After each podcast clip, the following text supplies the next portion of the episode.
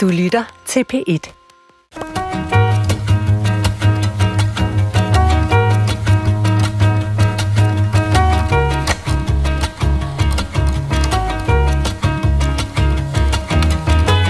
Jeg er blandt andet utilfreds med, at de her i Danmark ikke har en hitliste, der kan vise, hvilke plader, der er de mest solgte, ligesom det øvrige udland har, og jeg ved, at udsendelserne der er meget populære.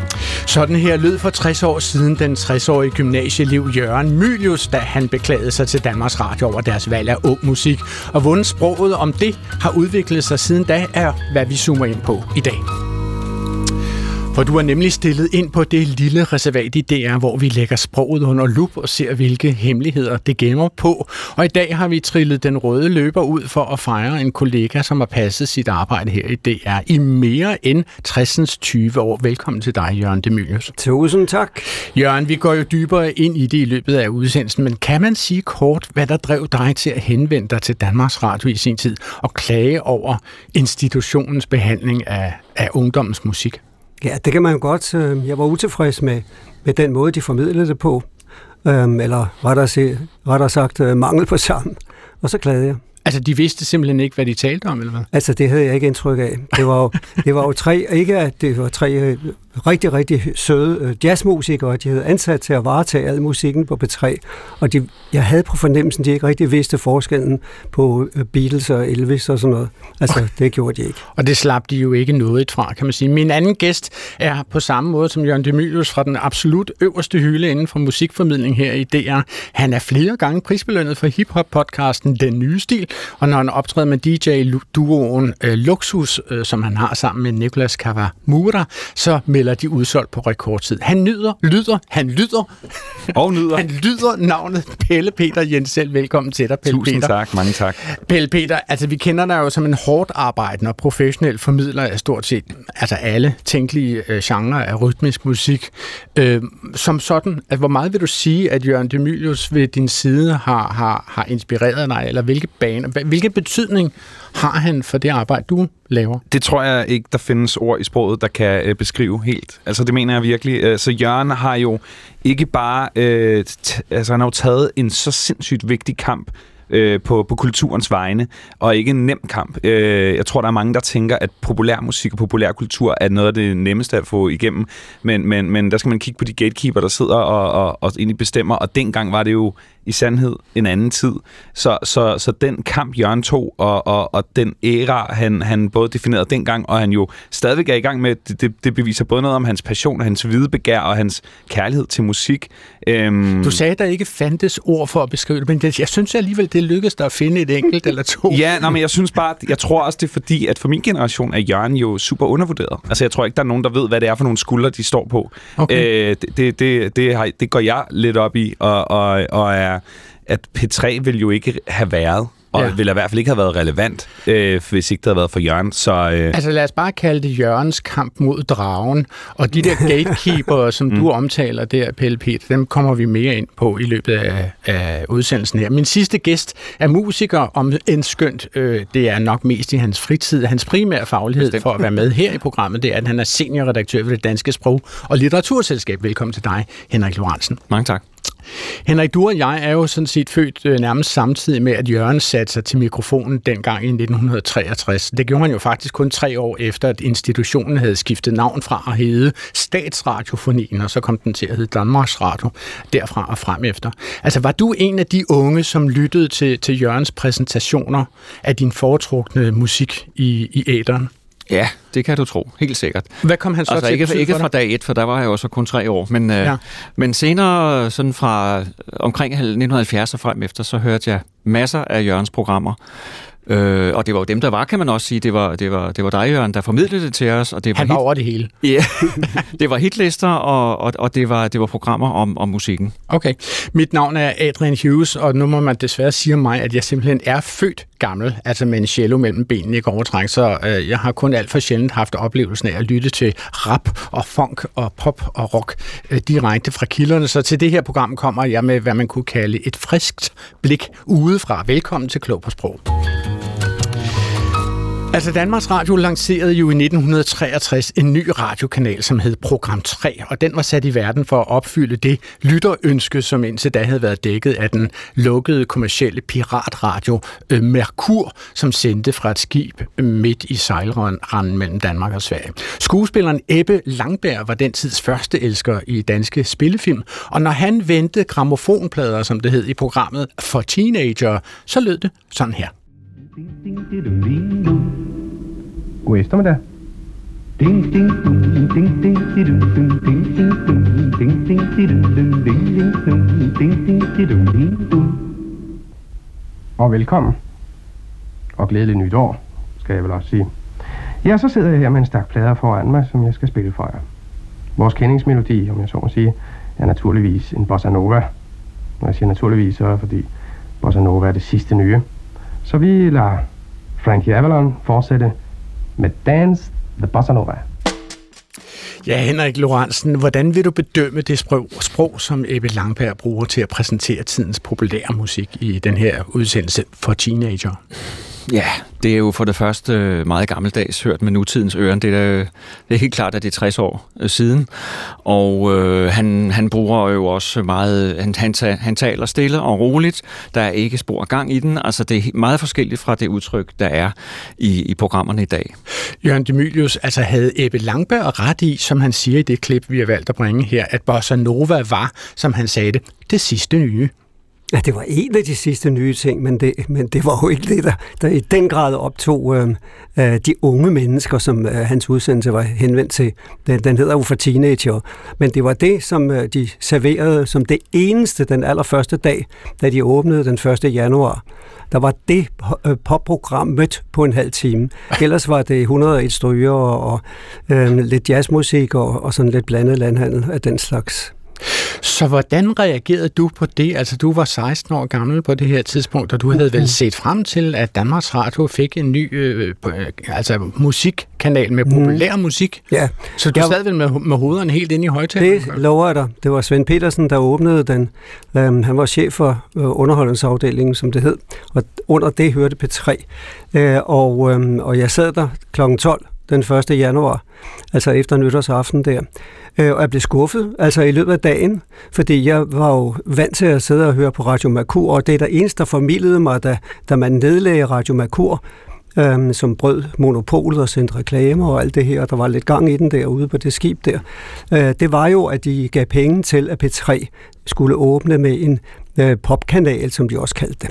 Pelle Peter, hvordan vurderer du det her klip med Eve Langberg, som præsenterer Bossa Nova? Jamen, han er jo... Øhm, jeg ved ikke, om han er i øjenhøjde med lytteren, og det føler jeg lidt er en hver radiokanals radioværts øh, øh, største opgave. Det er at spejle øh, både den, den stemning og, og det, det sted, lytteren er lige nu. Øhm, både i, i det musik, man spiller, men selvfølgelig også øh, den, det sprog, eller ikke sprog, man bruger. Så... Øh, nu var jeg der jo ikke dengang, jeg var 86, så, ja. så, så, så jeg er måske ikke den bedste til at, til at tale om spejlet, men, men, men jeg synes, at det virker usædvanligt tørt, øh, især med øh, et, en programtitel, som jeg både dengang og i dag ville tænke var ret spralsk for teenager. Okay. Altså, Jørgen, jeg ved jo, at du har fortalt den her historie flere gange, blandt andet i din selvbiografi Tak for al musikken, og du har jo også fortalt den i en podcast-serie, som vi har på DR Lyd i øjeblikket, som hedder Mølle, øh, øh, manden og musikken, så vidt jeg husker, som Dan mm, Marklin har ja. tilrettelagt. Ikke? Men du har jo altså ikke fortalt den til mig, og du har heller ikke fortalt den til Klog på sprogslytter, så lad os lige tage den i lidt flere detaljer. Altså, du skrev jo altså en klage i 1963 øh, til Danmarks Radio program 3 over deres dårlige musikvalg, og, og den øh, nåede så i hænderne på programmedarbejderen Hemming Hartmann Petersen, og han inviterede dig ind til, hvad du troede var et møde i Radiohuset, men så gør han jo simpelthen det øh, lidt mærkeligt, at han slæber dig direkte ind i en liveudsendelse den eftermiddag, mm-hmm. øh, som du heldigvis har fået din mor til at optage. Det er derfor, vi har den i dag. Men lad os lige prøve at høre et, udsend, mm. et lille klip fra den udsendelse, hvor Hemming Hartmann Petersen Petersen til sin egen forbløffelse sidder med en usædvanligt velformuleret 16-årig gymnasieelev fra Østerborgerdyd Gymnasium, som simpelthen læser og påskriver ham og hele Danmarks Radio, hvad de gør galt. Udsendelserne der er meget populære. Ja, altså en hitliste, der kommer frem i en radioudsendelse. Ja, hvor der altså kan konstatere, hvilke plader, der er de 20 mest solgte. Ja, vel. Har Sverige sådan en?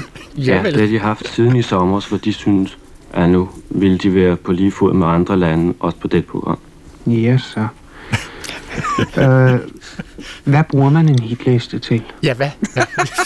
Ja, man kan øh, bruge den til simpelthen at se, hvordan pladerne indbyrdes øh, kan klare sig mellem hinanden. Blandt andet vil det vise sig, at vil, visse plader, hvis de bliver præsenteret i forskellige udsendelser, og øjeblikkeligt vil ryge op på en hitliste. Ja vel. Øh, mener du, at det er noget, der har interesse for danske teenager at følge med i det? Ja, i høj grad. Jeg mener, det, jeg, har- vi har set det fra det øvrige udland, blandt andet Sverige, og England og Amerika, at det er en af de udsendelser, der har størst interesse blandt teenagerne. Det må vi spekulere lidt over. I mellemtiden sætter vi nogle plader på konfonen. Og så kommer der lidt musik. Henrik Lorentzen, hvad, hvad hæfter du der øh, ved i den her samtale mellem Hemming Hartmann Petersen og en 16-årig Jørgen Mylius, som han kaldte sig dengang? Ja, de befinder sig lidt forskellige steder, må man jo nok sige. Altså, Hemming Hamdan Petersen, han, han, jeg tror måske, han er åben for at, at, at lære og lytte, og det er tydeligt, at han, han ikke ved, hvad det her drejer sig om. Øh, så han øh, prøver at blive klogere på det, vil jeg tro, når han siger aha, og ja så, og så videre. Det virker selvfølgelig grinagtigt i dag, kan man sige. Pelle Peter, altså, hvordan virker det på dig, at, at en medarbejder ved en kanal, som er sat i verden for at spille populær musik, altså simpelthen ikke kender til begrebet en hitliste? Jeg synes, at det altså, begreber kommer og går jo, men okay. Jeg synes, øh, altså, grundindstillingen fra Danmarks Radio dengang er super duper arrogant. For du kan ikke sige, at vi vil være noget for de unge, og så på intet tidspunkt spørge de unge, hvad vil I egentlig have? Det er jo meget tydeligt, at de har spurgt øh, sig selv, hvad vil vi gerne give de unge? Hvordan vil vi gerne have de unge gebærdiger sig? Hvad for noget kultur synes vi er vigtigt for unge, mm. at orientere sig øh, imod? I stedet for at spørge, hvad er egentlig vigtigt for jer? Og der, det, det, det er ikke første eller sidste gang, det er sket. Nej, men altså man kan sige, at Danmarks Radio er jo ikke mere arrogant, end at de rykker på en klage, som kommer fra en 16-årig gymnasieelev, og så inviterer Hemming Hartmann Petersen ikke alene dig, Jørgen, ind i studiet for at tale med dig om, hvad du egentlig har at klage over. I løbet af udsendelsen bliver det jo også besluttet, at du simpelthen skal vende tilbage ugen efter, mm. og så skal I sammen præsentere, eller især skal du præsentere øh, den her hitliste. Ja. Øh, altså, hvordan kom det i stand, Jørgen? Altså, Ja, det var, øh, det var sådan set ikke hans øh, afgørelse. Skal jeg lige sige, at dengang, der betød jo public service, det betød noget andet, end det kom til senere. Public service, det var opdragelse Ja. af, den, af befolkningen. Øh, man skulle sørge for, at de fik nogle kulturelle værdier, som dem, der sad i Danmarks Radio, mente, de havde og ville føre videre. Ja. Så det var, det var noget lidt andet. Så det var, Det var meget afsenderorienteret, Ja, man ja. kan kalde det. Ja. Ja, men, men det der skete, det var, at øh, de havde simpelthen for travlt til at sætte sig ved det skrivebord, han havde lovet, at jeg kunne for, fortælle, for jeg, jeg havde jo ingen drømme om at, at selv skulle til mikrofonen eller noget. Så jeg var kommet derind, fordi jeg, så glædede jeg mig lidt til at se radiohuset, og, øhm, og så pludselig sagde han, jeg, har- øh, øh, tiden løber fra mig, men jeg har to udsendelser i eftermiddag. Gå over på den hylde, find nogle gode plader, så bestemmer du valget, og så snakker vi lidt om det her, du kalder en hitliste. øhm, det, jeg havde fortalt ham, at det, øh, At det var et, et anbelangende, du havde. Ja, ja, jeg havde nogle utilfredsheder, og så havde jeg et forslag. Og mit forslag var i, i og for sig jo ikke genialt, for jeg, havde, øh, jeg elskede jo at høre på Radio Luxembourgs Top 20, og de havde også præsentationer af en hitliste på Sveriges Radio og sådan noget. Og så tænkte jeg bare, øh, hvis de præsenterer en hitliste, så kan de jo ikke spille noget forkert, Nej, fordi så okay. skal de spille det her. Men så har jeg også læst mig til i din egen øh, selvbiografi, at, at øh, den første gang, du kommer ind og præsenterer den hitliste, som jo allerede er ugen efter, så Ja. går det simpelthen grueligt galt, fordi Hemming Hartmann Petersen har stadigvæk ikke forstået, hvordan man præsenterer sådan noget. Hvordan er det, det går galt, Jørgen? Ja, altså først og fremmest, så var det ikke hans idé jo. Nej. Jeg forklarer ham, hvad en hitliste er, og så kommer chefen ind, åbner døren ind til studiet den her dag, jeg bliver interviewet, og så siger han, det tror jeg ikke, vi kan klare. Jørgen, kan du komme og lave sådan noget om en uge? Og der synes jeg, at jeg gør mit lille øh, mesterstykke, fordi jeg er jo ikke bange for det. Jeg ved godt, hvordan man laver en hitliste. Så jeg siger ja, ja tak. og så tager øh, Hemming over. Så får jeg ikke forklaret ham af en hitliste. Jeg tænker ikke, at han er så uvidende, så han ikke ved, at man selvfølgelig præsenterer nummer et som rosinen i pølseenden. Så da vi så sidder der, hvor jeg ikke engang aner, om Så det man er mig- starter i den laveste ende af en Ja. hitliste, og så er arbejder nedtælling. man sig op. Ja, det Så- er en nedtælling, så, så- man ja, skal være så- spændt på, hvad så der kommer- bliver nummer et. Jeg, jeg har præsenteret ham for de her 20 plader, jeg vil spille, øh, og han har skaffet dem. Jeg vidste jo ikke, hvordan man gik i diskoteket dengang. Og, og så siger han i udsendelsen, Nå Jørgen, som vi bebudet sidste gang, så sidder vi nu her. Øhm, og hvad blev så nummer et? og, kom, kom med konklusionen. Og jeg sagde Fortæl, ikke noget hvem til ham. Jeg kiggede bag jeg tænkte, gardin sidst i okay, okay. teaterstykket. Nej, det glemte jeg så at sige til ham, ikke? Nå. Okay, men man kan jo sige, at den fejl blev jo rettet allerede mm. ugen efter. Ja. Altså, det nu er vi nået frem til den 5. februar mm. 1963, hvor du kommer i studiet stadigvæk øh, endnu sammen med Hemming Hartmann Petersen. Øh, og han gør sig redde for den her meget store sæk af lytterbrevet, som I har modtaget. Og han sammenfatter deres indhold meget øh, kort sådan her. Det er nemlig, at de folk, som finder ud af disse udsendelser her, er fuldstændig pløk-åndssvage, at vi øh, bilder os ind, at vi kan afvikle en top 20 udsendelse på en halv time. Og således tugtet ende ømme efter slagene, øh, overgiver vi os på noget og unåde, og overlader allerede her kl. 15.30 øh, sagens videre forløb til Jørgen Mylius. Jeg er velkommen til den anden gennemgang af ugens top 20. Stort. Vi har altså fået tilladelse til fremover at spille alle 20 melodier. Jubi! Og så forsøger vi noget nyt denne gang. Nemlig at begynde bagfra. Det vil sige, at vi starter med nummer 20 og ender med, om jeg så må sige, rosinen i pølseenden, nemlig nummer 1. Ja, noget helt nyt. noget Ja, helt nyt. så kører Danmarks Radio Breaking. Ja. Henrik Lorentzen, hvordan vurderer du Hemming Hartmann Petersens udtryk her, når han siger, at han og de øvrige tilrettelæggere er blevet kaldt fuldstændigt pløk åndssvage?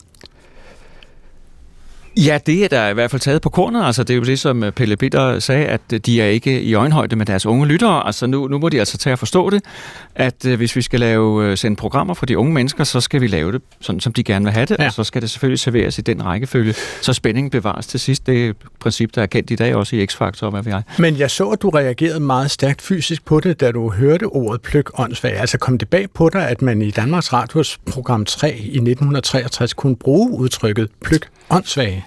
Jeg bemærkede ikke min egen reaktion, Nå, men øh, det er jo okay. nok rigtigt, at... Det ligner øh, stort set præsident Kennedy på bagsædet af din bil. Ah, det er en, en kedelig sammenligning, synes jeg. Nå, men skidt være med det. Øh, ja, det er i grunden øh, voldsomt. Ikke? For det første er det ikke sikkert, at åndssvag er i orden øh, fra radio Ja. øh, siden, og så pløk også. Ja. Men øh, han tager jo så lige et, et ord fra dagligsprog ind og, og får sagt det. Det har Ja, sikkert og- stået i nogle breve. Jamen det kan tænkes, at Ja. han, at han citerer dem indirekte, ja. Men, ja. Men, men Jørgen Demilius, det tyder jo sådan set på, at der må være, have været en eller anden form for frisprog på øh, program 3 på det her tidspunkt, når Hemming Hartmann Petersen kan bruge udtrykket pløk åndssvag. Det er ja, jo nok nu- det der pløk, som fik mig til at tænke på Han- det. ja. det. Han ville jo aldrig selv have fundet på det. Nej, okay. Altså i en annoncering. Men fordi han siger det som et citat fra de der mange, øh, der er sendt ind. Og det er rigtigt, der kom sække. Ja. Øhm, og, og, og der skete jo det, at jeg opdagede jo nærmest først, da jeg sad i udsendelsen, gud, jeg har en top 20-liste, og jeg kan ikke nå det. Øh, og så sagde jeg, begyndte jeg at sige, at nu siger jeg bare, hvad nummer 3 og 4 og 5 er, og så spillede jeg nummer 6 og sådan noget. Det var den eneste måde, jeg kunne gøre det på, så jeg spillede rent faktisk Det er kun fordi, den første hitliste var kun en halv time, Ja. og du skulle nå 20 numre Ja. igennem ja, og så kommer Kai Broen, som er chefen, og som har foranledet, da jeg overhovedet er der. Øhm, han kommer løven og siger, Jørgen, Jørgen, de, øhm, øh, der, der er klager. Og så bliver jeg jo helt bange, og så siger jeg, nej, nej, det er noget positivt. Folk siger, at du nævner en masse dejlige titler, men du spiller dem ikke. Og så, øhm, så, så forklarer jeg ham, hvad, hvad det er. Han vidste heller ikke, hvad en hitliste var. Og så siger, så siger jeg til ham, øhm, øh, ja, det er sådan, det er, så må jeg jo nøjes med 10. Nej, nej, nej, nej, vi, vi laver det bare. Du får en time næste uge. Pelle Peter, altså nu siger du, at, at, at ting kommer og går og kan spille en større og en mindre rolle. Mm. Altså hvor stor en rolle spiller begrebet hitlister for P3 i dag? Øh, ikke en voldsom stor. Øh, fordi Hvordan kan vi, det være? Fordi vi i dag skal være, vi skal jo også være kuraterende. Altså, vi skal selvfølgelig øh, spejle det, der er populært, men, men, men, men øh, P3 er jo blandt andet også sat i verden for at styrke ny dansk musik, og det vil sige musik, der måske ikke endnu øh, er, er blevet så populær, at den øh, topper hitlisterne. Så, så selvfølgelig spiller vi hits, men vi skal i lige så høj grad øh, definere morgendagens hits. Jørgen Demilius, du fik jo hurtigt mere og mere at lave på mm. P3, kan man roligt sige. Det gik jo øh, fra, sagt, fra galt til værre. Eller Ja. ja. Du fik lov til at lave den der hitliste. Senere kom du også til at overtage Ebbe Langbergs program for teenager, hvor du også selv mere selv kunne bestemme, hvad for noget musik øh, du ville spille. Og nu skal jeg jo så spørge dig, altså, hvad sagde dine kolleger på Danmarks Radio og, og andre kulturjagttager? Hvad sagde de om den musik, som du, Jørgen Demilius, spillede i radioen? Ja, det var jo meget forskelligt. Altså, på P- P3, der sagde de jo søde ting og, og positive ting, for det var ligesom der, jeg var, og jeg kom, og jeg lærte dem at kende øh, på alle ledere og kanter. Det var, de tre, det var Pedro Biger og Hemming Hartmann Petersen, og det var Ben Scherf, det var musikere, der sad der. Jazzmusikere. Jazz, jazzmusikere, ja. der var ansat der. Og, og Pedro havde, var den eneste, der havde radioerfaring. Han havde været på Radio Merkur rent faktisk. Det havde de to andre ikke. Så hvor mange jævnaldrende kolleger havde du? Jamen, jeg havde jeg ikke nogen. Altså, Nej, du var gymnasieeleven simpelthen. Ja, ja, altså, der var en lidt ældre studerende, som i øvrigt senere blev administrativ, Hans Jørgen Skov.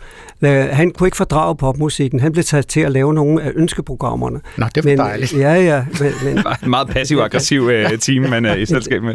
Ja, men øh, der skete jo altså det, at øh, man skulle have sådan en time hver dag, og da de så, at jeg klarede det meget godt, øh, åbenbart til deres tilfredshed, så øh, ringede de jo til mig nærmest hver anden dag og sagde, at vi kan ikke nå at lave den der efter skoletid. Og til sidst så havde jeg jo de der efter skoletid udsendelser.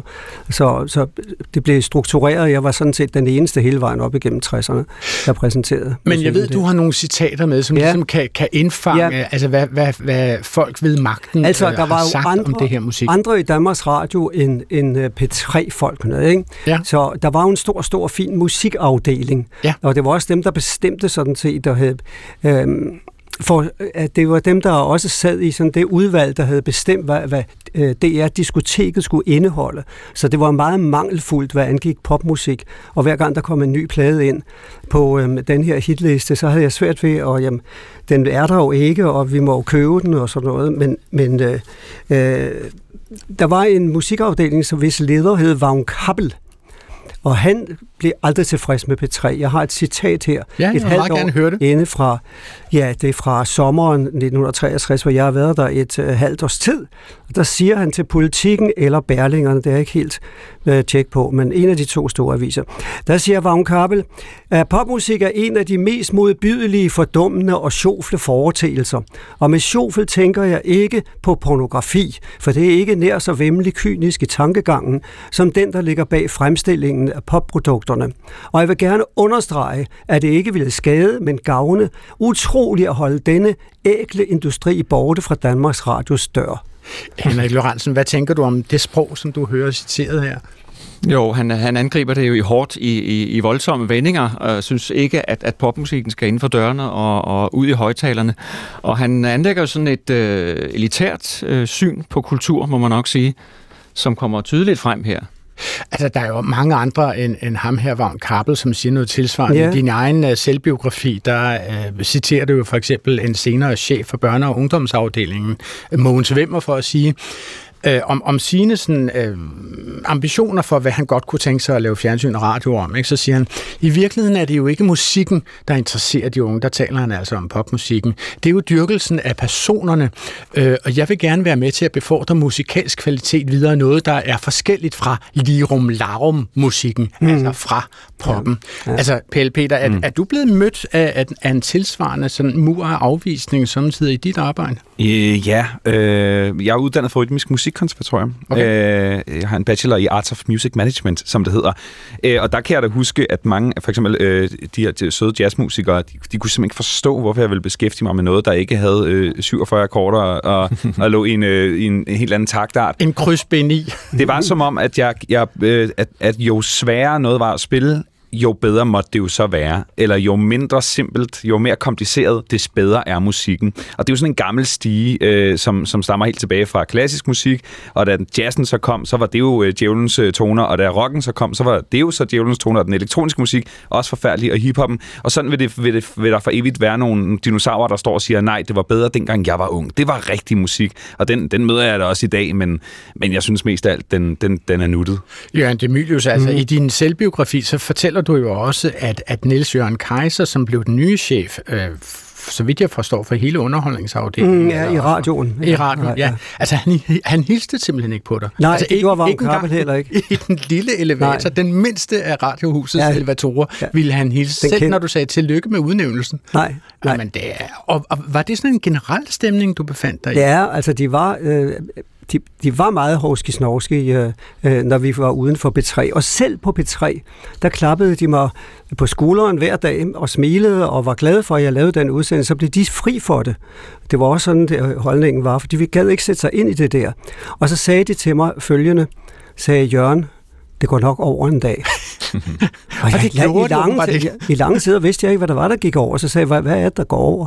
Jamen, det, med alt det der elektriske musik og så, der, så det, vi skal jo have de store orkestre tilbage. Ja. Øh, Men de var jo søde. øh, Så længe det varede, var de ja. søde. Der var jo nogen, som afviste The Beatles med ordene guitarmusik er på vej ud. Ikke? Ja. Ja. Og dem skal vi ikke signe til det her. Jeg er svært ved at få indkøbt øh, deres albums. Det var jo dyrt. Ja. De, Danmarks Radio betalte jo for pladerne dengang.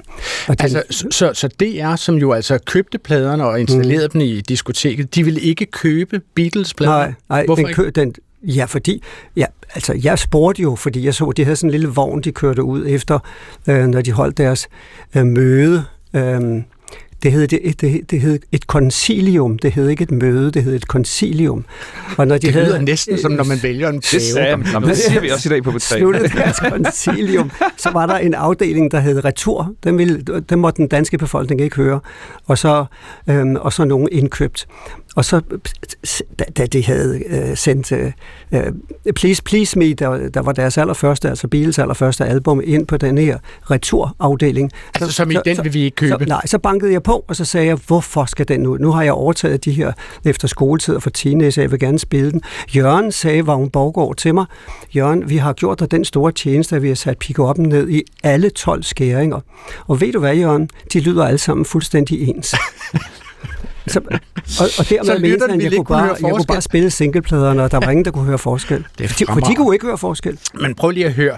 Altså, nu gjorde vi det i, i, i går, at vi slog ordet pop op i den danske ordbog, som du jo, Henrik Lorentzen, er med til at, at, at, at, at redigere faktisk. Mm. Ikke?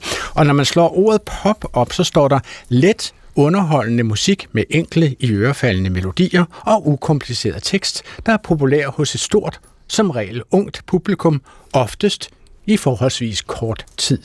Henrik Lorentzen, nu kigger jeg dig dybt ind i øjnene ja, og spørger dig. det kan du roligt gøre. hvordan, hvordan har du det med at høre øh, denne definition af populærmusik, eller pop?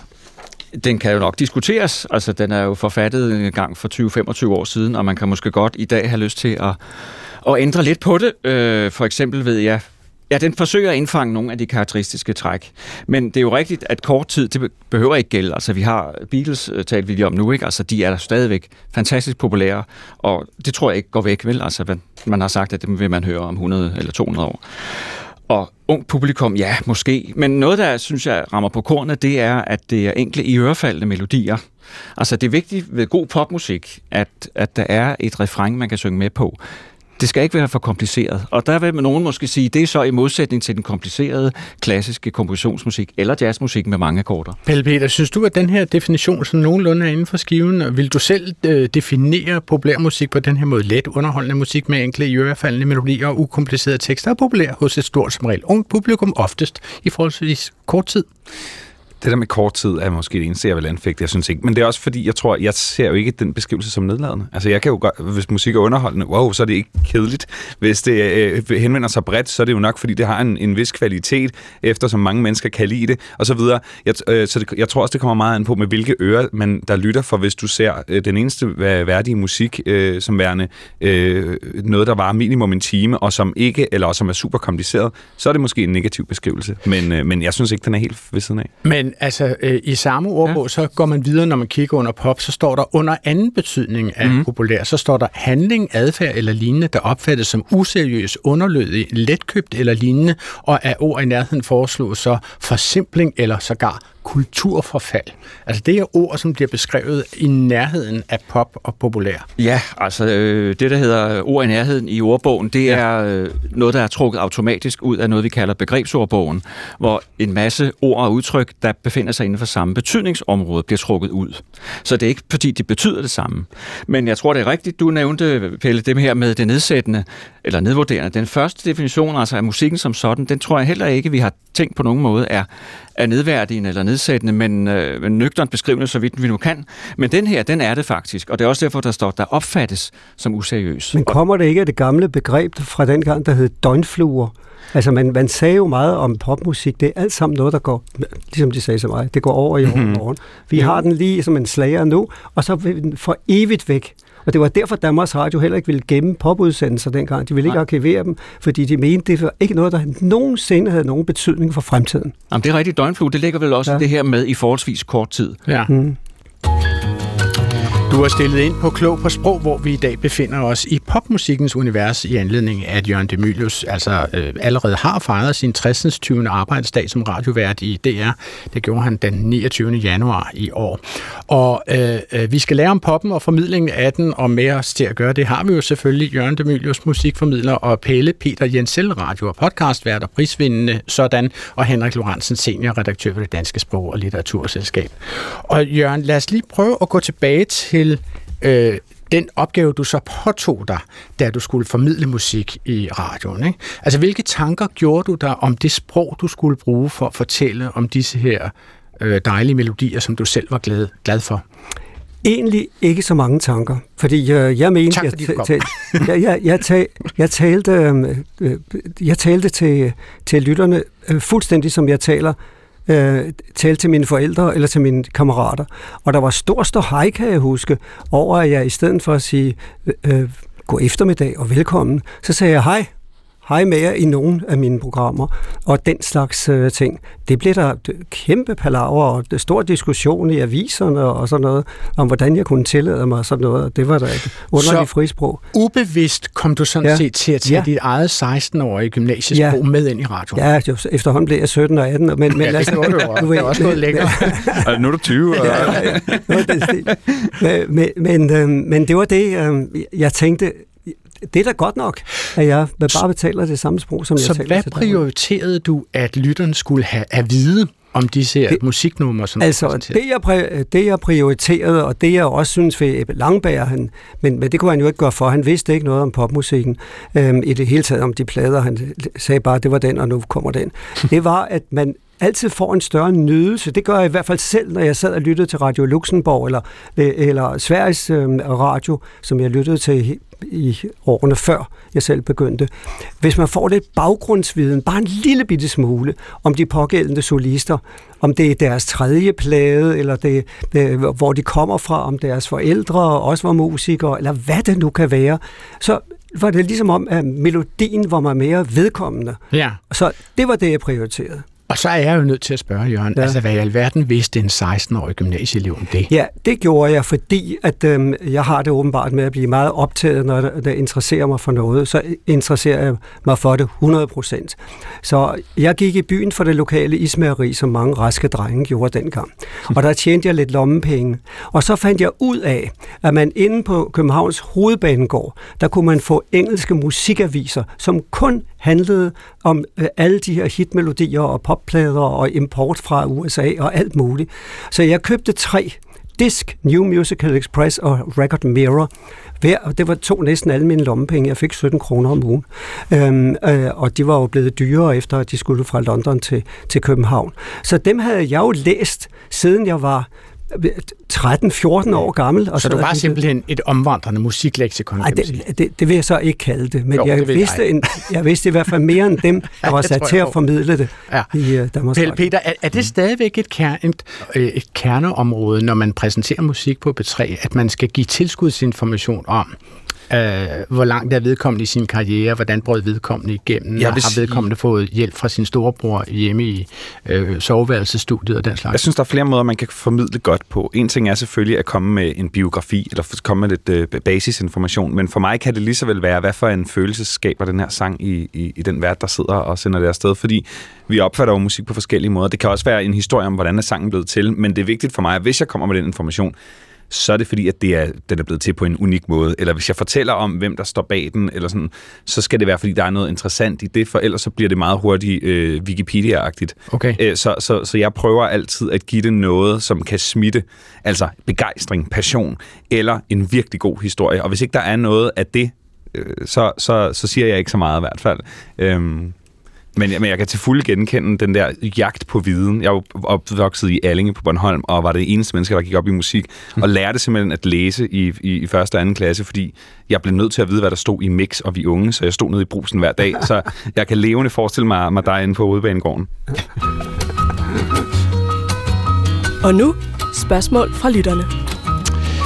Vores første lytter skriver til os fra Odense, hvis navn første gang kunne læses i året 988 som Othensuigensem, hvilket blev til Odansue i år 1075, hvilket naturligvis kom af gudnavnet Odin og gammeldags Vue, som i vi helligdom, altså Odins by. Og derfra skriver Freja Skov Tolstrup følgende til os. Jeg har flere gange hørt ordet sangerinde udtalt med dobbelt med drøbel R. Specielt du, Adrian, er glad for denne udtale, og jeg er også selv for forleden blevet irettesat af en kammerat for kun at udtale det med lav midttunge vokal, altså som i sang og inde. Hvis sangerinde udtales med drøbel R, burde det vel også udtales med R i sanger. Det er spørgsmålet. Hele spørgsmålet og intet andet end spørgsmål. Hvad vil du svare på det, Henrik Lorentzen? Øh, jeg vil svare, at øh, sanger, det er ikke en udtale, der længere er gængs. Altså de der R'er, de har tidligere været udtalt, og også i sangerinde. Men altså, hvis vi skal lige speci- snakke specifikt om sangerinde, så er det en udtale, vi i dag vil kalde ældre konservativ. Måske lige frem øh, forbundet med højere sociale lag. Øh, så den eksisterer, og den eksisterer også i andre ord, øh, der minder om det. Skuespillerinde, forstanderinde, lærerinde, der kan man høre den. Men det er ikke den gængse udtale. Altså i det almindelige sprog, der er det R blevet svækket til noget, der er en slags vokal, i stedet for et konsonantisk R. Hvor ligger du øh, på det her spektrum, Jørgen Demilius? Altså, så vidt jeg husker, er du født i 1946. Mm, ja, det er rigtigt. Øh, vil, kunne du finde på at sige sangerinde? Nej, det kunne jeg ikke. Og det har du aldrig Så- gjort, eller Nej, ja, det ved jeg ikke. Altså, nej, det tror jeg faktisk ikke, jeg har Og, gjort. og Pelle Peter, det er helt... Men jeg har øh, hørt det. Ja, okay. Altså, jeg har hørt og, nogen og du, du vil ikke sige sådan noget, Pelle Peter? Jeg tror generelt ikke, jeg vil bruge en kønnet betegnelse, for så kommer det, altså, så vil der for nogen ligge noget devaluerende og, og i, i det. Så, så jeg vil bare sige, at den her kunstner, eller den her artist, eller... Jeg er solist eller noget. Ja, netop. Jamen, sådan Så, jeg så, så hvor latterligt på en skala hvis det, ville det være, hvis jeg omtalte Olivia Rodrigo, eller Billie Eilish, eller Dua Lipa som renaux. Ja, det vil da ikke være latterligt. Ja, men, jeg, men jeg tror, jeg vil ikke gøre det. Jeg tror, folk ville sidde derude, på, hvis det var på B3, du præsenterede den, og sige, altså, Ja, det, hvad, det- hvad, det- han har noget galt i halsen. Ja. Så vil vi få de der sække med post, hvis det overhovedet findes. Hvis post Nej, det vil være på Facebook og Vi Instagram. vil ikke? være, som det hedder, jeg vil være pløk åndssvag. Okay. Vores næste lytterspørgsmål kommer fra den relativt unge by Esbjerg, hvis navn første gang nævnes i 1502 som Eisberg. At det kommer af Esi, den svulmende, som var navnet på farvandet mellem Esbjerg og Fane. Og det andet led er jo bjerg, og det siger mere eller mindre sig selv. Rosa Holm Hansen hørte vores udsendelse om klassisk musik for nylig, og hun hæftede sig ved, at vi noterede os, hvilken tonart altså stykket øh, kunne være i for eksempel Johann Sebastian Bach, Johann Sebastian Bachs cellosuite nummer 1 i D-mol. I nævner, at man ikke gør det samme i popmusikken, men hvorfor egentlig ikke? Det ville da være en meget god idé, så kunne lytterne lettere lære deres yndlingsnummer. Og det den idé er hermed givet videre til hele panelet her. Men hvad siger du til det, Henrik Lorentzen?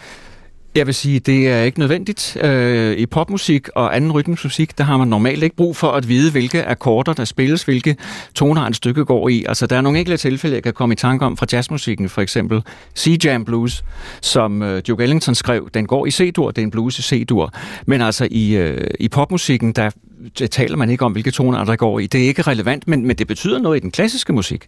Hvordan kan det være, at det ikke betyder noget i popmusikken, at sige, hvilken tonart det er i? Altså, jeg, jeg kan tilfældigvis med albuen i grovtræk spille uh, Last Christmas, så vidt jeg husker, ikke? Mm. Af, af George Michael, og, og jeg blev fuldstændig rystet over, at, at så stort et hit i virkeligheden kun ligger og kører frem og tilbage mellem, siger og skriver fire akkorder. Ja, men Altså- det, er der, det er der mange sange, der gør. Altså, Chuck Berry har lavet hele sin, sine mest fantastiske melodier over. Altså, I hvert fald tre akkorder. Måske Okay. fire nogle enkelte. Ja, Men jeg, jeg tror slet ikke, at han nogensinde har lavet noget andet. ja. end Tænker du på det, Pelle? Altså på ingen Altså- altså, måde. Men det, jeg, tror, jeg synes også, det er en, en... Igen, så går vi tilbage i at tænke musik, i stedet for at lytte det. Det der med, at når, men hvor svært er det at spille, så er det nok rigtig godt, hvor jeg har det mere, at, at popmusik er jo også intuitivt. Du lytter til det, og så sætter det sig forhåbentlig fast, hvis det har en kvalitet. Og sidst men ikke mindst, så handler det også om for, for mig som formidler at være inkluderende. Og sekundet, jeg begynder at bruge fagtermer, der gør, at nogle lytter tænker, jeg er ikke klog nok til det her, så, så, så, så brænder jeg også lidt den bro, der gør, at de måske nogensinde vil kunne sætte øh, pris på musikken, og så gør jeg hverken mig øh, artisten eller lytteren nogen tjeneste. Men mener, du- siger du dermed også, at der i, i en eller anden grad er en slags snopperi i at, at pinde ud, det her er opus nummer 343, og det står i G-mål? Det ved jeg. Det, det, det kommer an på, om det er relevant for lytteren. Hvis det er relevant for dem, du faktisk er sat i verden og sende radio til, så, så er det jo god public service. Men hvis du siger det bare for at sige det, fordi det, det får dig til at lyde super klog, så synes jeg, det er dårlig formidling. Så kommer det til at handle om dig i stedet for musikken. Hvad siger du til det, Ja, Henrik? og det skal det jo helst ikke. Men, men der er bare de for, helt forskellige traditioner i, i de forskellige typer musik, øh, tilgang og lytning, at man, man bruger de der betegnelser oftest, når man snakker klassisk musik, men altså ikke popmusik. Du kan sende dit spørgsmål til klog på sprog snablag.dr.dk. Jeg vil gerne tale med jer om, hvordan værter i vore dage brander sig selv, som øh, det hedder. Altså, hvordan de sikrer sig, at man ved, hvem det er, man lytter til. Og nu spørger jeg dig, Henrik mm. Lorentzen. Du er jo ikke i den her sammenhæng specialist i markedsføring, men bare som almindelig radiolytter. Hvordan vil du karakterisere Jørgen Demilius brand som radiovært? Ja, det er, det er fuldstændig klassisk og, og veletableret øh, for mig, fordi jeg nu har lyttet til, til Jørgens programmer fra, fra jeg var 10 år og frem efter. Øh, så han har selvfølgelig været med til at sætte en, en, en trend for, hvordan man fortæller om musik. Øh, Og øh, nu hører jeg så ikke, ikke så meget i dag programmer, som, som handler om, om popmusik, rytmisk musik.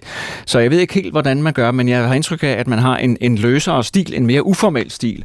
Fordi selvom, Jørgen, som du siger, at du var uformel dengang, så, så vil jeg ikke sige øh, med nutidens øjne, at, at du virker uformel, når du er i radioen, sammenlignet med andre radioværter. Men det kan være, at I begge to har en, en mening om det. Pelle Peter, mm. altså du er jo lidt mere inde i det her. Altså, hvordan vil du karakterisere øh, øh, Jørgens øh, brand som, som øh, musikformidler? Jeg vil sige, det er troværdigt. Ja. Øh, og det, det er rigtig vigtigt. Øh, fordi hvis man gerne vil have viden, eller, eller, eller hvis man gerne vil læne sig ind i den musik, som man får præsenteret, så er det jo vigtigt, at, at, man, at de ord, der følger med, faktisk også er noget, man tænker, det, det, det tror jeg på. Og nu vender jeg så øh, blikket mod dig, Jørgen, og spørger Mm, dig selv. Altså, hvilke tanker gjorde du dig om at, at brande dig selv som en person, som skulle fortælle om den her musik? Jeg gjorde mig egentlig ikke så mange tanker, fordi vi, så, vi er tilbage ved det der. Jeg talte, som jeg taler til mine venner, eller som jeg talte, og det gør- gør jeg stadigvæk. Også den dag i dag. Mit sprog har også ændret sig. Jeg synes også, Ikke jeg, særlig meget, hvis du spørger mig. Nej, men jeg synes stadigvæk, når man lytter til nogle af mine 60'er udsendelser, så lyder jeg lidt ligesom Lille Per i, øhm, øh, i far til, de første far til fire film og sådan noget. Men øh, jeg gjorde ikke så forfærdeligt meget ud af det. Jeg synes, at, øh, at det, det, der faldt mig og mine omgivelser naturligt, og som jeg aldrig blev kritiseret for, at det var godt nok til radioen, og det bliver jeg ikke klaget over undtagen en enkelt gang, jeg kom til at sige sku. Mm. Der fik jeg en, Uh, ja. ja, En reprimande. Ja, en reprimande, ja. Ja, okay. Pelle Peter, jeg mm. tænker dog over, at, at når, når Jørgen oprindeligt øh, optræder i radioen som 16-årig, og sådan stille og roligt bliver ældre, som det jo heldigvis sker i de fleste tilfælde, altså der har jo været en fantastisk autenticitet ved, at en gymnasieelev sidder inde i radioen og formidler musik til formentlig i grov træk sine klasse øh, kammerater. Mm. Altså, øh, hvor, hvor, hvor, heldigt er det lige på en skala, at man kan få en, en, en radiopræsentatør, som så meget er, som du sagde før, i øjenhøjde med sine øh, lyttere. Det synes jeg er magisk, og det er det også på P1. Altså, jeg, går, jeg har, kan du huske, da jeg selv øh, arbejdede på Vores Danmark og hørte Eldorado hver eneste aften, og hørte P3, når jeg kørte i, i min postvogn, at, at jeg følte, at jeg var venner med dem, jeg lyttede til i radioen at jeg, det, dem vil jeg gerne drikke en øl med. Jeg havde det nærmest som, jeg havde gjort det. Og sådan tror jeg da også, det er, at mange, der lytter med lige nu, tænker om dig, Adrian. Og, og, og, og det er jo, fordi man, man er i en form for fællesskab. Man skal kunne relatere til dem, man lytter til. Øh, og, og, og det er både i sprog og selvfølgelig også valg af musik. Ja, altså mine lytter, det skal bare gøre dig opmærksom på, de, de skåler ikke med mig i øl, Øh, de hæver deres lille portvinsglas, tror jeg. Men altså, Pelle Peter, din og Nicolas Kavamuras DJ du Luxus startede jo som et radioprogram, og så spredte det sig jo i grove trække over hele sendefladen, inden I så jeg om.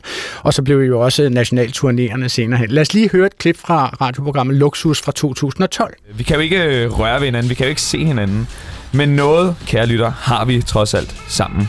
Og det er, at vi kan skåle. Øh, fordi at øh, vi har netop øh, installeret sådan en lille leg i, øh, gennem de næste fire timer, som øh, det her program varer. Og øh, det er, at øh, jeg synes, du skal gå ud i køleskabet, find frem, hvad du har, om det er en pilsner, en øh, breezer, en cool shaker eller bare et shot. Så gør dig klar, fordi at hver gang du hører denne lyd, Luksus. så er det tid til at øh, skåle. Ja, der er sådan en øh, variation over den gode gamle leg. Dong-lejen, ikke? hvor Ja. ja. det var øh, fodbold-dong-lyden. Øh, man hørte, og så skulle man skåle. Og det tage en vores tår. første udsendelse? Øh, vi gør det så bare øh, Ja, på den her måde. præcis, hvad det er. Ja, så hver gang du hører den i løbet af programmet, så er det om at øh, skåle med dig selv, med os, eller med dine venner, hvem du ender sammen med. Og øh, som nogen kunne høre, så åbnede jeg jo faktisk lige en øl. Øh, Nico, skal vi måske starte med at lægge an her øh, i Luksus og, og, og føde programmet med en skål? Jamen, øh, og lad os gøre det, mens vi lytter til Niklas med Top Swag. Velkommen til. Ja, altså Pelle Peter, du, du identificerer jo straks det her som, din, øh, som jeres allerførste udsendelse, og ja, det forekom mig, at du stod og rødmede en lille smule. Ja, men det, er også, det, er, det var i sandhed en anden tid. Det er, det er jo, hvad er det, 11 år siden eller Ja, sådan noget? det er fra Øh, 2012. Ja, øhm, Herregud. det var et lørdagsaftenprogram, og der fik vi nemlig at vide, øh, prøv at høre, øh, P3 er super dygtige til at øh, være, hvor vores lyttere er alle andre tider af døgnet, men hvis du tænder for radioen en lørdag aften, så kan du øh, risikere at blive øh, præsenteret for noget utroligt trist musik, men lørdag aften, der er vores lyttere, de vil feste, så I skal lave et festprogram, og det, det hørte du så... Øh, Det er simpelthen den vibe, første I udgave forsøger. det her. Ja, ja, sidenhen fik vi at vide, I skal måske også øh, sige, at folk også kan skåle i et glas vand, eller det behøver ikke være så alkoholbaseret. Det, det, det, det vil jeg gerne give dem ret i. Men altså, den her lydmontage, knap mm. op, og så øh, øh, kanalidenten, eller programidenten, ja. luksus, altså, er, er det en brandingøvelse? Er det jeres forsøg på at, at sige til folk, I lytter til dette program, og husk det nu? På mest af alt er det faktisk for at opbygge et fællesskab. At, at for dem, der lytter, så ved de, hvad den her lyd betyder, fordi vi spiller den løbende igennem hele udsendelsen, uden at forklare den. Så det er jo også en måde at skabe en, et intim sådan rum, hvor at de, der, de, der ved det, ved det, og dem, der ikke ved det, det, det og, og, og det er jo, sådan er det jo også med identitet og musik. Men der er nogle identitetsmarkører, og man vil gerne være en del af et, af et fællesskab, uanset om det handler om at vide, hvad en tonart øh, er, eller om, øh, om det så handler om, hvordan, om man kan udtale Beatles. Ja, okay.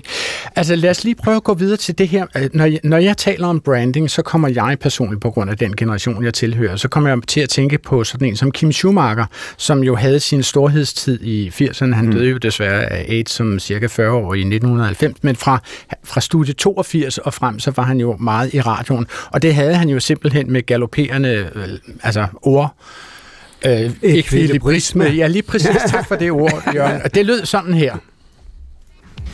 Og fra elektroniske spøgelsesoste til besøg fra det ydre rum. E.T. Go Home. For her kommer Stacy Lattiser med sit eget lille rumkræ under armen ind i pladestudiet og leger musikalsk klappe klappe kage. Attack of the Name Game, Stacy Lattiser. Så vidt jeg husker, begyndte han i 82, og det her var fra, fra 83, fra studie 83. Ikke? Altså Jørgen, som, som musikformidler, hvad syntes du om den sproglige stil, som Kim Schumacher introducerede i radioen? Jamen, han brandede sig jo virkelig. Han ville gerne lyde sådan i radioen. Og sådan øhm, kan man jo have en tilgang, der er helt forskellig. Øhm, min branding, det var jo at være, jeg kunne godt lide øh, ordet troværdighed. Det var bare at være troværdig og, og sige det, jeg- fornemmede. Men jeg kunne godt lide hans øh, tilgang til det, fordi det var noget, han havde bestemt sig til. Og man skal jo ikke forklare det, for han gjorde et kæmpe arbejde for det. Han havde skrevet hvert lille punktum og komma, og alt det, han sagde, var skrevet ned minutiøst. Sådan gør jeg jo slet ikke. Ja. Jeg snakker bare. Øhm, øh, og selvfølgelig øh, researcher jeg jo lidt på, på noget af det, jeg laver. Men, men jeg taler, altså, som jeg taler, også til, til dig og til mine venner. Men det gjorde han ikke. Jeg, jeg har læst uh, Simon Lunds og Ralf Christensens store Kim Schumacher-biografi, og du er jo fuldstændig ret Mhm. i, det er jo, han har jo simpelthen timet de der speaks ned til halve sekunder. Det har han. Så der er intet, der kommer i radioen, som han ikke har skrevet og tænkt Niks. igennem på forhånd. Tager du style cues fra sådan en som uh, Kim Schumacher, Pelle Peter? Øhm, måske mere i forhold til at, øh, at, at turde være sig selv, øh, men ikke i forhold til at skrive ned, for sådan, jeg fungerer rigtig dårligt, hvis jeg læser op. Øhm, når jeg laver podcast, så er det skrevet, fordi der skal det virkelig, der må jeg ikke spille et sekund. Live radio, der er jeg mere mig selv øh, i forhold til lytteren, som jeg vil være i en gruppe venner. For det sidste, jeg synes, vi kan nå at tage en runde om i programmet her, det er øh, det her, som handler om, øh, hvad, hvad ungdom betyder for at formidle ting på P3. Og jeg kan se, at øh, en af P3's øh, musikformidlende varer på hylderne for tiden, det er podcast med såkaldte mixtapes, altså med den ene eller med den anden musikformidler. Og i talende stund, så er der otte forskellige brands øh, i det trend, eller hvad vi skal kalde det. Det er jo sådan navne, navneborgende rækker af P3-tapes på DR Lyd. Øh, og, og sådan her lyder det for eksempel i hiphop-gruppen Spectres seneste mixtape podcast. Så er vi her igen. I slipper aldrig for os. De trofaste. Mm. Øh, kan du huske noget af Jo, ja, DJ PJ og Lim Carsten. Ja, præcis, mand. Vi er tilbage. Hvis du ikke øh, ved, hvorfor at Jonas hedder Lim Carsten, og jeg hedder DJ PJ, jamen så må Direkte du tilbage og høre det direkte sidste. tilbage og høre det sidste mixtape. Nå, men nu skal det dreje sig om i dag. Vi er her med alt det gode, som vi plejer. Mm. Alt smøsen. Hvad er det, vi laver? hele. Vi har fundet nogle fede sange. Dem, vi synes er de allerfedeste. Elektroniske, techno, det hele. Alt det gode lige nu. Paraplyen hedder EDM. Ja. Ja, DJ, PJ og Lean Carsten når de at fortælle af deres navne, men, men hvad siger fagkundskaben her i, i studiet? Altså kommer man fremover til at lytte mere til, hvad bestemte navne udvælger, øh, end man f- kommer til at følge bestemte genrer? Eller sådan noget. Hvad vil du sige til, Pelle Peter? Altså, det er jo vigtigt at sige, øh, at øh, Spectres her er jo netop ikke radioværter. din musikgruppe, som så er blevet bedt om at kuratere noget indhold. Så, så, så, øh, men, da, men man kan sige, det de gør, det er jo, at de definerer et univers. Og det, kan, det univers kan til at starte med virke sådan lidt mystisk og fremmedgørende, men det er jo også det, der gør, at hvis du først kommer ind i det, så, så er det endnu mere givende og belønnende. Og der er nogle, det der med at have nogle, nogle koder, eller have nogle navne, eller have nogle ting, der gør, at, at, at man skal ligesom have lyttet med for at vide det, det kan jo både gøre, at det ikke er et primetime-program, men at det netop er en podcast, øh, fordi det bliver noget for de få. Øh, Så siger du i virkeligheden, at her skaber man altså en lille landsby af, af nogle bestemte, som interesserer sig for noget bestemt, og så kan de have et fællesskab med hinanden? Ja, eller den hvad? landsby findes måske i forvejen øh, ude i verden, men så nu findes den så også i Danmarks Radio. Det, og jeg føler, at alle, der har en lille eller en stor landsby, om det er kulturelt eller sport eller noget andet, de skal jo kunne se sig selv øh, i et tilbud på Danmarks Radio. Og det, der kan man sige, lige i den her udsendelse, så er det så den hårde elektroniske musik. Øhm, og mennesker, der går op i det, skal selvfølgelig også have et sted at gå hen her på DR, og det er så lige det her mixtape. Altså nu kan man jo sige, øh, jeg, jeg, er, ret, jeg er på Spotify, trods alt, det er kommet ind for de sidste halvandet år eller sådan noget, den stil. Men som regel, så, så bruger jeg det ved, at jeg bare sådan finder en kunstner, jeg godt kan lide, mm-hmm. øh, en eller anden bestemt øh, sanger eller sangerinde. øhm, og og når, når den så er færdig med at spille det, den, den pågældendes øh, album, vil jeg som regel vælge, så går den selv videre og spiller noget, som minder en smule om det. Man kan sige, så er jeg verdens dogme, øh, dogneste og dummeste musikforbruger, fordi jeg lader bare en eller anden auto-generering, øh, øh, en eller anden algoritme simpelthen kaste musik i, i retning af mig. Altså, øh, øh, tror jeg, der bliver flere og flere musikforbrugere som mig, altså dogne musikforbrugere. Nej, men, men det er da dejligt, man kan komme i øjenhøjde, også med minoriteter for eksempel. Det er da skønt, fordi øh, øh, det er jo det, man, man som, som regel øh, i starten af øh, øh, min kar- radiokarriere, så havde man også sådan nogle enkelte programmer med noget musik, som man vidste godt, med noget verdensmusik, som kom fra forskellige steder fra, for at være alsidig, så gemte man den hen til sådan nogle mærkelige tidspunkter, hvor ingen normalt ville høre radio, og så sendte man den der kl. 11 til 12 om aftenen, eller sådan et eller andet. Øh, nu kan man jo bare gå ind og få en podcast, og så stadigvæk være med. Jeg synes, det er fantastisk med det der podcast, det må jeg sige. H- Hvad gør du, Jørgen de Møller? Nu har der jo forløbet været i gang i 60 år. Mm. 60'ens 20, kunne man sige. Altså, hvad, hvad, hvad, hvor, hvor finder du din nye musikalske inspiration? Hvor, hvor henvender du dig hen, eller hvad kigger Jamen, du med på? Jeg, jeg lytter. Uh, nu er jeg stadigvæk, det lyder måske mærkeligt, men jeg er stadigvæk øh, hjemmeboende børn, øh, fordi jeg har fået børn i to omgange. Og uh, de lytter jo til en hel masse musik, som, som uh, jeg nogle gange egentlig nogle gange beriger mig lidt, men også andre gange tænker, wow, det, det, det kan da godt være, at det har noget fremtid, men det kan også være, at det forsvinder igen lige om et øjeblik, men som jeg egentlig ikke når at sætte mig særlig meget ind i. Øhm, og jeg synes, det er dejligt, at der, der findes den udvikling. For mig selv på P5, mine hithouse og det, jeg stadigvæk laver hver evig eneste dag på P5, der fortsætter jeg i og for sig, at jeg lytter en gang imellem inde i mit hoved til Johnny Reimers mit allerførste interview med Johnny Reimer i 1964, der sagde han, der er én ting, jeg aldrig vil. Jeg var aldrig svigte teenagerne. Og når jeg, hver gang jeg møder Reimer, siger det har du heller aldrig gjort. Det er akkurat de samme, der sidder og lytter til, eller går ud og synger partymusik med dig i dag, som var unge dengang, og som lyttede til dig. Men Jørgen, jeg ved jo, at du, at du også gør det, at du samtidig går tilbage til et program, som du har lavet der for 60 år Ja, ja, siden, og simpelthen ja. finder kodalisterne Ja, frem, ja. og så spiller du den samme musik Ja, igen. og fortæller lidt om, hvad der er sket med de solister, og, og så nyder vi de samme, og, og jeg er meget omhyggelig med det. Det er nøjagtigt de samme originalversionerne, jeg finder frem. De her 15 melodier, jeg har spillet. Jeg har lige lavet sådan en. Øh, november 1965, så tog jeg samtlige melodier, fandt dem frem øh, fra diskoteket, øh, og spillede dem og fortæller lidt. Og det, det fik en stor applaus. Det kan folk rigtig godt lide. Mm. Men Pelle Peter, er det her i virkeligheden et udtryk på det samme? Altså er det Jørgen også for skabt en lille landsby øh, om sit brand og siger, for jer som kan huske, hvad der skete engang i 1965, eller som interesserer jer for, hvad der skete i 65, nu kan I komme ind i, i mit univers, så tager jeg jer med øh, ind i den her landsby. Ja, eller og jeg tror ikke, det er en lille landsby. Jeg tror, det er en kæmpe landsby, og den, den landsby skal også repræsenteres øh, her, her i DR, øh, fordi musikken er ikke blevet dårligere. Altså, så, så øh, den er stadigvæk fed, øh, og så tænker jeg da også, at det er det må være helt fantastisk at have været ung dengang, og så sidde og genopleve de, de her sange, og alle de minder, der nu følger med, fordi mm. man, man har levet et liv med dem. Øh, Det synes jeg er, er, er sindssygt smukt. Altså, øhm, og, og, og, og vi skal være noget for de mange, men vi skal også være noget for, for, for de få, og det er uanset om det er P3 eller, eller P5. Men, men øh, nu kommer der så et meget stort spørgsmål mm. her på falderæbet, Pelle Peter. Altså, hvordan, hvordan spår du øh, i ganske få ord mm. musikformidlings fremtid? Altså, øh, kommer TikTok og Instagram til at betyde meget mere for folks opdagelse af musik, eller hvad kommer der til at ske her? Jeg vil sige, at øh, der, der er jo sket det siden, at der findes mere end end en radiokanal og en tv-kanal osv. Øh, nu findes der jo alle mulige platforme, men, men den gode musikformidling lever jo stadigvæk på de samme præmisser. Det vil sige, at den skal være engageret, passioneret, og så skal der være noget god musik, som, som øh, du kan øh, lytte til til sidst. Øh, for mig er det mere en energi, end det er en genre, og den energi, den tror jeg lidt var den samme dengang, som den er i dag. Det handler om, så, at nu, jeg elsker, at Johnny Eimer sagde det, Øh, jeg vil aldrig svig- svigte teenagerne. Jeg har lidt en anden regel, der hedder, ungdommen har altid ret. Okay. Uanset hvor mange, der kommer og fortæller dem, det her musik er ikke rigtigt, eller det her det er ikke godt nok, eller det er, det, er, det er meget sjældent, de rette til at vurdere det, der siger det. Øhm, og så ledes ved den måde, folk kommer til at formidle musik på i morgen og om 10 og 20 år, også være den rette for den tid. Jørgen Demilius, lad mm. lige høre det fra hestens egen mule her til ja. aller, aller sidst. Hvad er dit råd til fremtidens musikformidlere? Mm, det er troværdighed. Okay, det var, hvad vi nåede i Klog på Sprog i dag. Jeg siger tak til mine gæster, radio- og tv-vært Jørgen Demilius.